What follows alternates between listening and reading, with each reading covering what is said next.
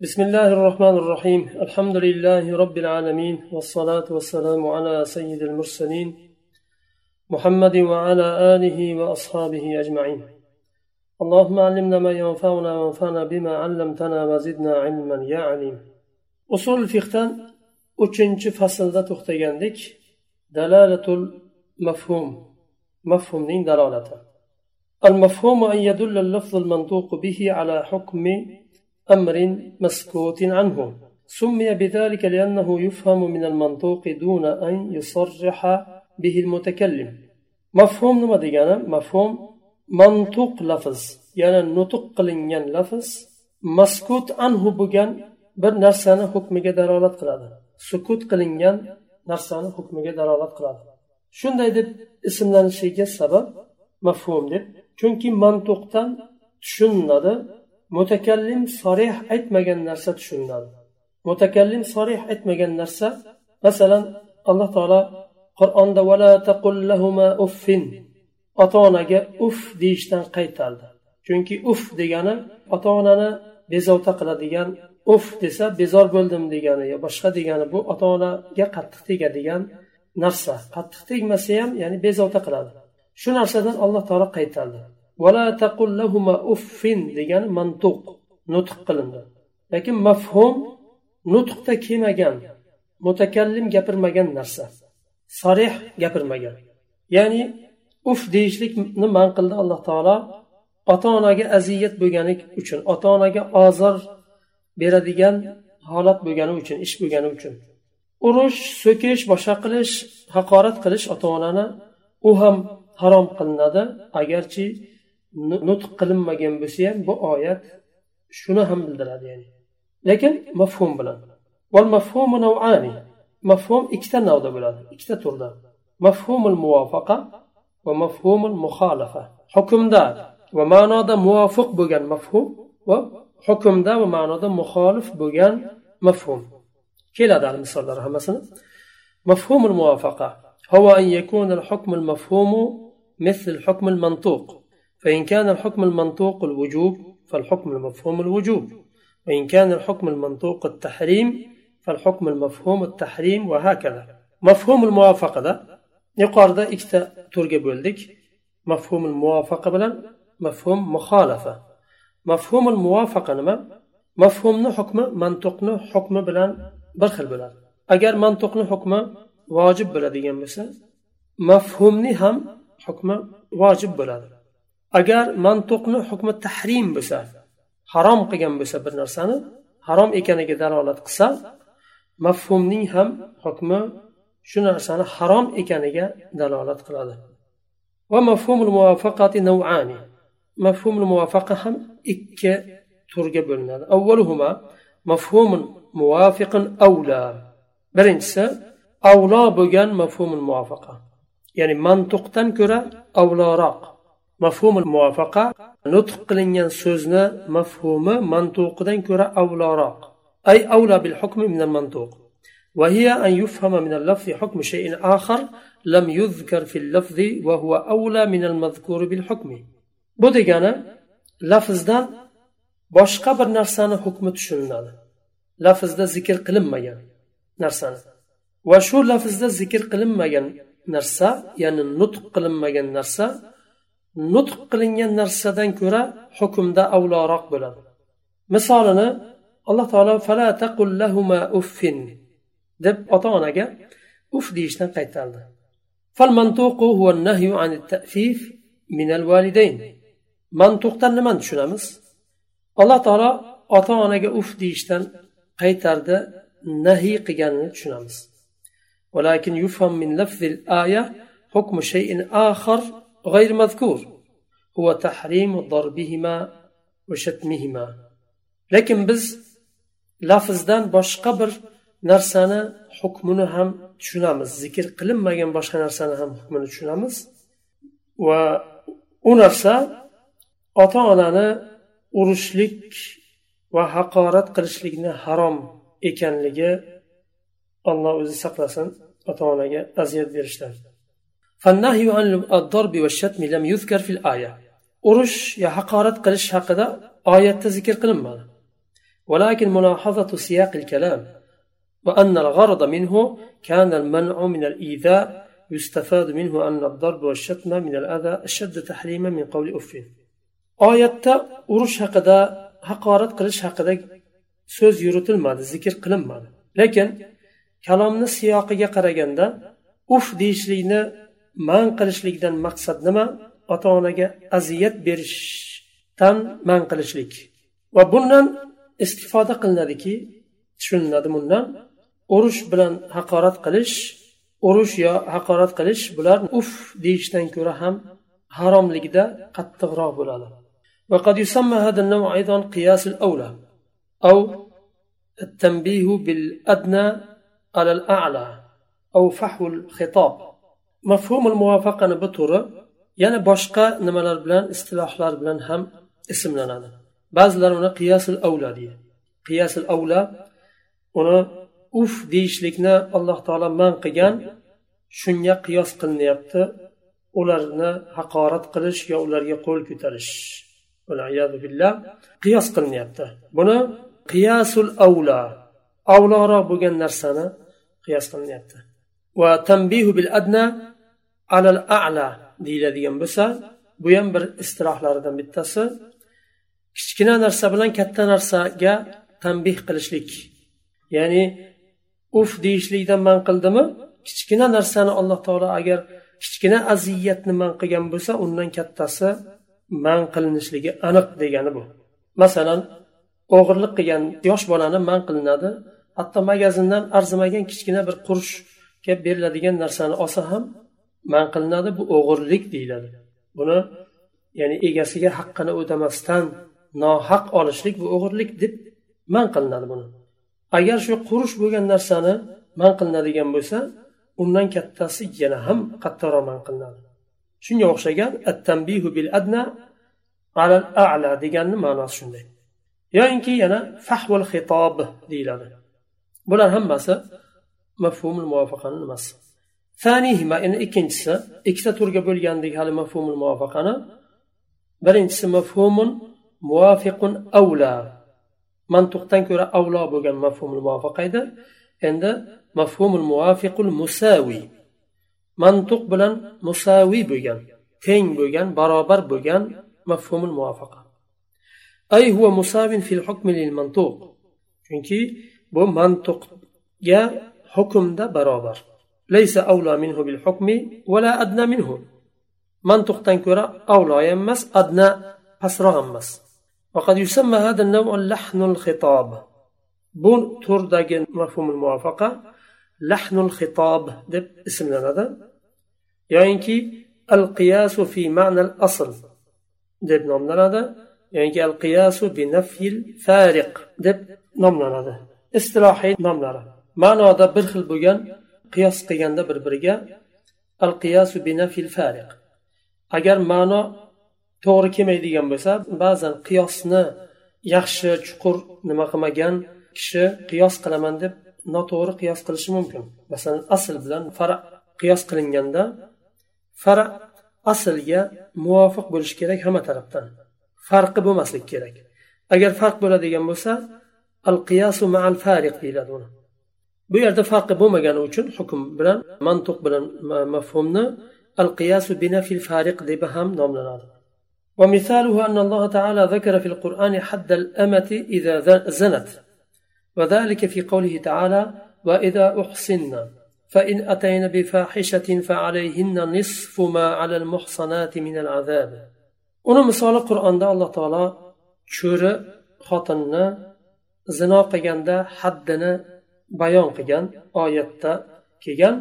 Va ida uhsinna uhsinna ya'ni erga chiqib o'zini nimasini iffatini saqlagan kishi oilalik bo'lib ayol ya'ni. Va ida uhsinna agar ular erga tekkandan keyin ham erga tekkandan keyin fa in atayna bi fahisha fohisha ish qiladigan bo'lsa bir cho'ri erga tegdida billah ya'ni zinoga yo'l qo'ydi. bu holatda nima bo'ladi? Ularga beriladigan azob muhsonat bo'lgan hur xotinlarga beriladigan azobni yarmi beriladi. Bu yerda alloh taolo faqat ayollarni keltirdi. Ayol cho'rilarni aytdi. Erkak qullar haqida oyatda nima kelmadi? Endi bu o'rinda qul erkak qul ham xuddi shunday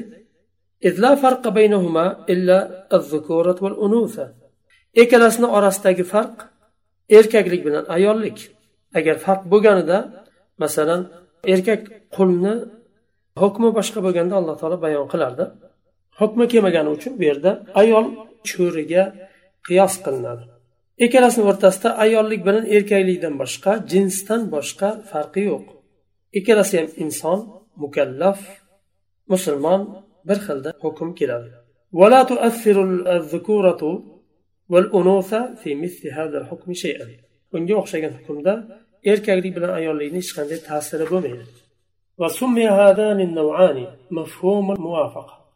ikkala nav yuqorida o'tgan bular mafhum muvafaqa deb ismlandi nima uchun ittifoq الحكم بين منطوق اللفظ ومفهومه فكلاهما حكمه التحريم أو كلاهما حكمه الوجوب وهكذا مفهوم موافقة ismlandi lafzning mantuqi bilan mafhumini hukmi muttafiq bo'lgani uchun ikkalasi ham hukmuhu tahrim yo harom bo'ladi hukmi yo vojib bo'ladi mantuq ham mafhum ham بخلاف مفهوم المخالفة الآتي فإنه إذا كان حكم المنطوق الوجوب فحكم المسكوت عنه عدم الوجوب عند مفهوم المخالفة بلدي بس و موافقنا خلاف دا بلد أجر منطقنا حكم واجب بلدي بس مسكوت عنه حكم واجب بميد يعني مفهومنا حكم واجب بميد مفهوم المخالفة دا.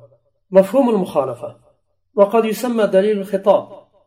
مفهوم المخالفة دليل الخطاب دبهم نملنا وهو أن يخص المتكلم بالذكر وصفا من أوصاف المحكوم فيه أو حالا من أحواله فيستدل به على انتفاء الحكم عما عداه.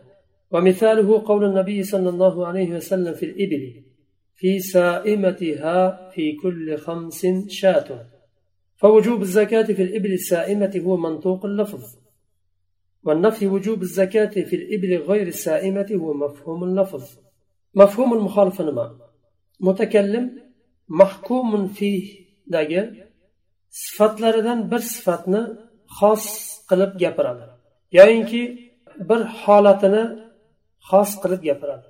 Va shuni yo sifatni yo holni shu zikr qilingan sifatdan yoyinki holdan boshqasida hukm taalluqli bo'lmaydi deb dalil qiladi. Misol aytsak fil ibli fi saimatiha fi kulli khamsin shatun. Saima deb o'tloqda vodiyda tashqarida tuyalarni boqishlik o'ziga xos bo'lgan yerda emas. Yo bog'lab o't yig'ib kelib terib bo'lsa ham sotib olib bo'lsa ham boqadigan bo'lsa saima deyilmaydi. Saima alloh taoloni yerida yomg'ir bilan o'sgan kuch sarflamasdan o'sha yerlarda boqilinadigan tuyalar saima. Bu o'tlarni tekin yediryapti. Alloh taolo yomg'ir yog'diradi shu yomg'irni sabab bilan chiqadi. Bu tuyalarni shu yerlarda boqadi. Sotib olmaydi shu o'tlarni tekin o'tlardan boqadi uchun saima deb shularni aytilinadi. Saima bo'lgan tuyalarga har beshta tuya uchun bitta qo'y zakot beriladi har yili. Bundan tushunamizki yaylovlarda boqilinadigan tuyalarga zakot vojib ekanini tushunamiz. Bu mantuqul lafz lafzning mantuqi. Endi mafhum nima? Demak agar yaylovlarda allohni yog'dirgan yomg'irlari bilan o'sgan o'zini kuchi bilan o'stirmagan o'tlardan yemagan bo'lsa demak zakot vojib bo'lmaydi degan ma'no chiqadi soima bo'lmagan tuyalarga zakot vojib bo'lmaydi degan ma'no chiqadi bu bo'lsa mafhumul lafz lafzni mafhumi saima bu sifati keldi tuyani mafhumi sifa deymiz buni mafhumul muxolifa anva endi mafhumul muxolifa ham bir necha turda bo'ladi birinchisi mafhumi sifa مثاله حديث زكاة المتقدم في الإبل السائمة يقارد أتكان سائمة بغير فالتقييد بالسوم يدل على أن الإبل المعلوفة la zakata fiha. Yuqoridagi hadisdan tushunamizki savm bilan hadisda taqyid qilindi muqayyat qilindi. Saima bo'lgan tuyalar deb sifati aytilindi. Saima bo'lishligi taqyid ya'ni muqayyat qilindi. Bundan tushunamizki ma'lufa bo'lgan yemlanadigan ya'ni uyda saqlab o'zi terib kelib yo o'zi sotib olib tuyalarni boqadigan bo'lsa demak unga zakot yo'q deyiladi zakot berilmaydi. ومثاله أيضا حديث من باع نخلا بعد أن تؤبر فثمرتها للبائع إلا أن يشترط المبتاع يدل التقييد بما بعد التأبير أنه إن باعها قبل التأبير فالثمرة للمشتري boshqa hadisda keladi kim xurmosini sotsa tabir qilgandan keyin tabir deb chatishtirishlikni aytadi xurmo gullagandan keyin arablarni odati shoxlarini silkitadi. Chunki gullardagi chang bir biri bilan qorishadida mevasi ko'payishiga sabab bo'ladi. Buni tabir deydi chatishtirishlik deydi. Shularda ham qandaydir zavjlik ya'ni ikki jinsdagi nima bor ekanligini dalolat qiladi shu ham. Xurmasini chatishtirgandan keyin sotadigan bo'lsa mevasi xurmani mevasi sotuvchini mulki bo'lib qoladi. Pishgandan keyin yig'ishtira olishi mumkin. Xurmasi gulladi uni chatishtirgandan keyin sotdi. U chatishtirgandan keyin hali gullagan u. To u xurma yetishib pishgunicha ikki uch oy o'tishi mumkin. Yetishgandan keyin yig'ib oladi. Agar shart qo'ymagan bo'lsa sotib olayotganda so'raydi chatishtirdingizmi deb so'raydi ha.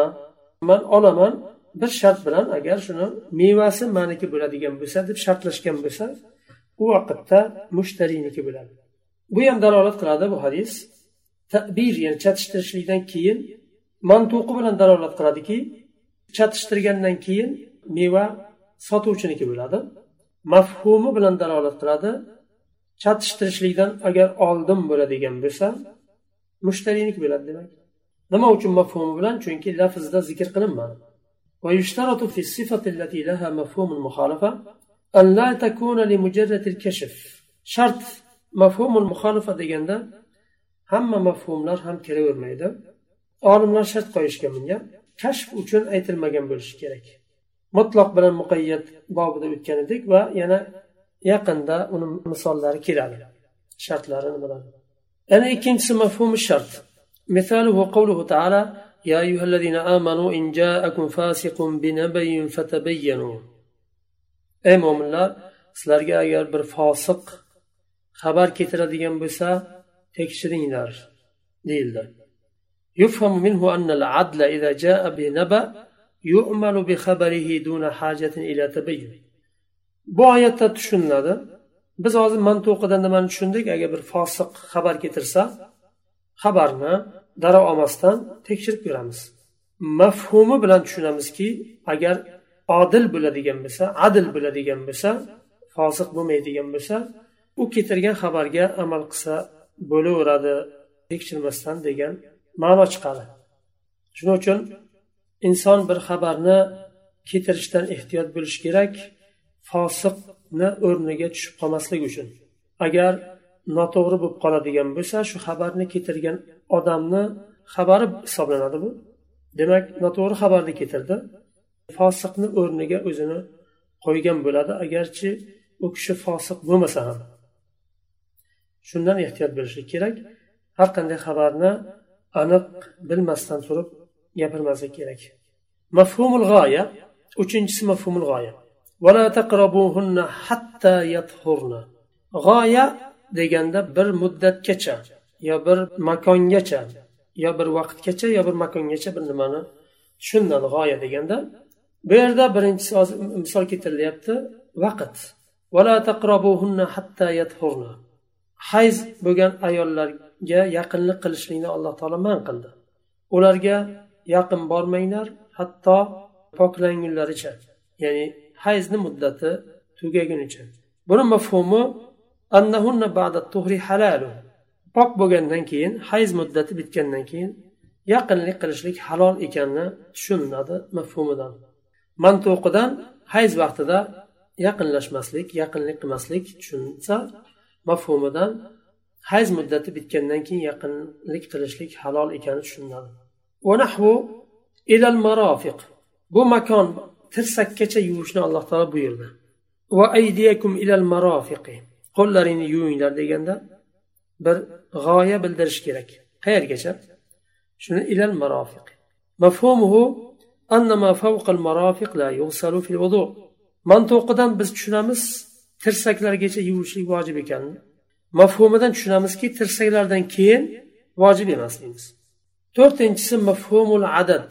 نحو قول عائشة رضي الله عنها كان فيما أنزل من القرآن أشهر رضعات معلومات يحرمن ثم نسخن بخمس معلومات يدل على أن ما كان أقل من ذلك لا يحرم.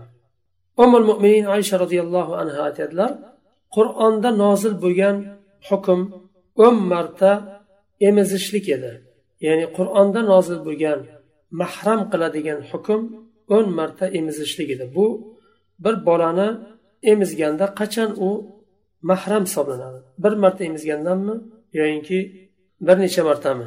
Bu yerda oysha roziyallohu anhu aytyaptilar oldin o'n marta edi keyin besh marta bilan nasx qilindi. Besh martaga tushirildi.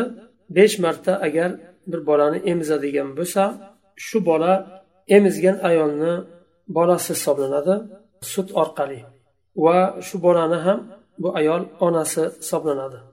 Ya'ni oilasiga kirgan qo'shilgan bo'ladi. Haqiqiy ota onasini hukmi qanday bo'lsa sut orqali bo'lgan ota ona va qarindoshlarni ham hukmi ayni bo'ladi. Demak mantuqidan tushunamiz besh marta emizgandan keyin bu bola mahram bo'ladi deb harom bo'ladi. U oiladan o'ylanishligi agar u o'g'il bola bo'ladigan bo'lsa agar qiz bola bo'ladigan bo'lsa u oiladan birortasi shu qizga uylanishligi harom qilinadi. Chunki ular tug'ishgan aka uka opa singilni hukmiga o'tadi. Teng bo'ladi hukmi. Mantuqidan shuni tushunamiz mafhumidan. Besh martadan oz bo'lsa demak mahram bo'lmaydi degan ma'noni tushunamiz. Beshinchisi mafhumul hasri bi g'ayri illa mafhumul hasr illadan boshqa narsa bilan bo'lgan hasr. مثالها حديث إنما الربا في النسيئة. ربا نسي ددر. ديان حديث نكتر لر استدل به ابن عباس رضي الله عنها عنهما آه، على حل الربا الفضل يدا بيد عبد الله بن عباس رضي الله عنه بو حديث دليل قلر يعني مفهوم دن دليل چقردلر دا. اتلر كي ربا الفضل اگر يدا بيد بلديان بسا حلال دلر يعني nasiya nasiya deganda bir molni sotib oldingiz. Uni haqqini sotuvchi bilan kelishib bir necha kundan keyin yo bir oydan keyin yo sotuvchi qabul qilsa bir yildan keyin bersangiz ham bo'laveradi bu nasiya. Lekin ba'zi hamma narsada bo'lmaydi ba'zi narsalarda bo'ladi.